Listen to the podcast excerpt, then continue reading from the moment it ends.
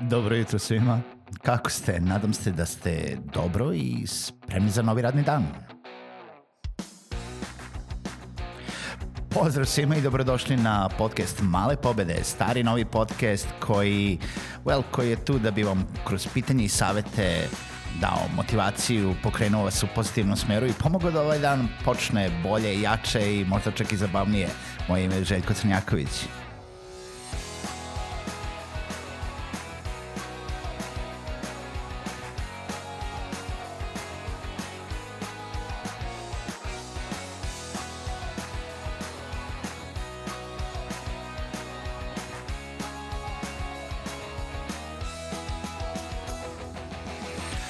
Pozdrav svima, dobro jutro i dobrodošli u novu epizodu podcasta Male pobede. Hvala vam što ste i sa ovom epizodom. A, nadam se da vam je korisno bilo i do sada i da će vam biti korisno i od sada. E, približavamo se 330. epizodi. A, posetite sajt malepobede.rs, prijavite se na newsletter i pridružite se preko 1500 ljudi a, koje prati newsletter a, Malih pobeda ili podržite podcast Male pobede putem Patreona, patreon.com kroz Male pobede i pomozite mi da uh, sve ovo jel, ima smisla. Uh, danas želim da nastavim priču koju sam počeo juče, zapravo tiče se o različitim formatima sadržaja i imao sam opet uh, jedan interesantan razgovor baš pre nekoliko dana gde sam došao, to jest dobio sam pitanje koliko zapravo treba vremena za proizvodnju nekog sadržaja. Isto pitanje se javilo i u jednoj podcast grupi kao koliko vam vremena treba da napravite neku epizodu i sad to je jako teško pitanje. Zapravo zavisi prvo i koji sadržaj se odlučite da proizvedete, pa sad možemo pričati o tome da je, ne znam, pisani sadržaj, uh, ja ne treba vam ništa od opreme, mislim osim računara, laptopa ili bilo kojeg zapravo računara gde samo možete da pišete neki tekst, uh, bukvalno Word ili neki tek, uh, to jest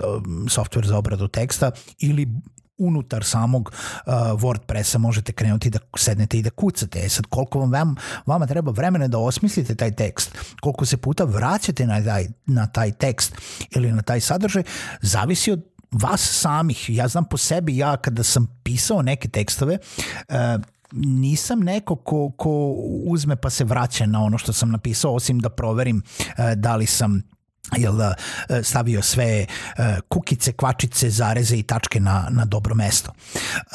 Ono što je veoma bitno jeste da razmotrimo i ukoliko odlučite da krenete u kreiranje nekog drugog sadržaja, znači nekog, jel da možda uh, multimedijalnog formata, da li je to video, da li je to audio, koliko vam treba vremena uh, da, da snimite nešto.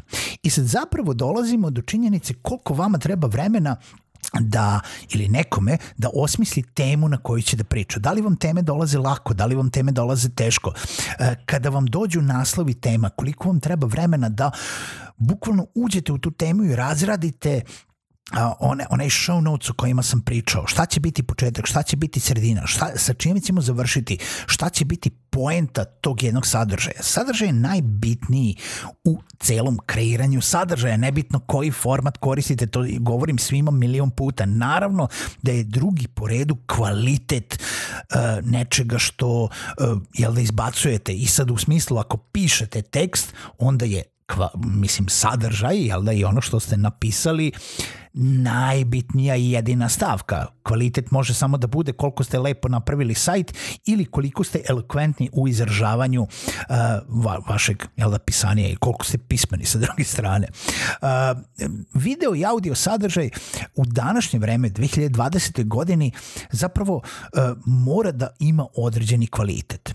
I iako vi naravno možete testirati kreiranje vašeg sadržaja i ne treba to da vam bude uh, neka prepreka u smislu da možete prve epizode da snimite i mobilnim telefonom, možete snimiti i običnom kamericom, možete snimiti i običnim headsetom ukoliko imate audio sadržaj, ali posle publika jednostavno zahteva uh, taj neki kvalitet, jer niko neće slušati nebitno šta pričate uh, u kontinuitetu, ako to šuška, uh, buči, ako iza vas prolaze kamioni, ako se deca igraju, ako je neka graja, ako psi laju i tako dalje.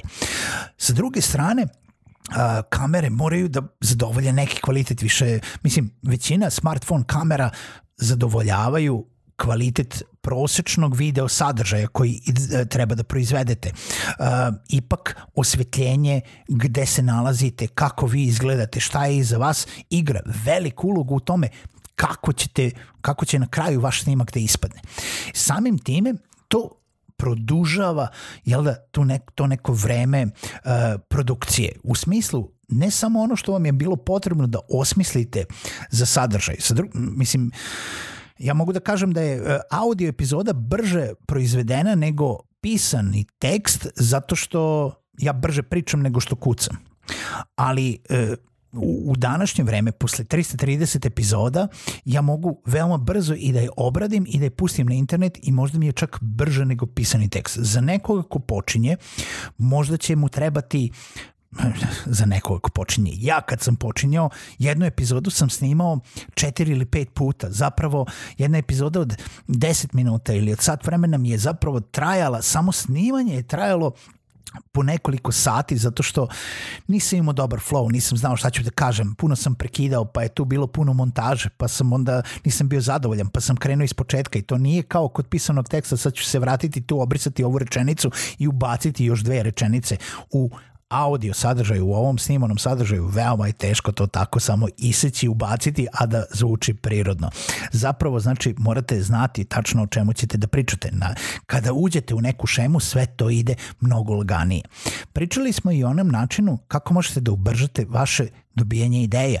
E, dobijanje ideja možete da ubrzate tako što ćete vežbati e, zapisivanje ideja. Vežbat ćete tako da kada god jel, sa sobom nosite neki, e, neku knjižicu ili u neko određeno vreme u toku dana sednete za blanko papir i bukvalno samo krenete da izbacujete sve što vam padne na pamet.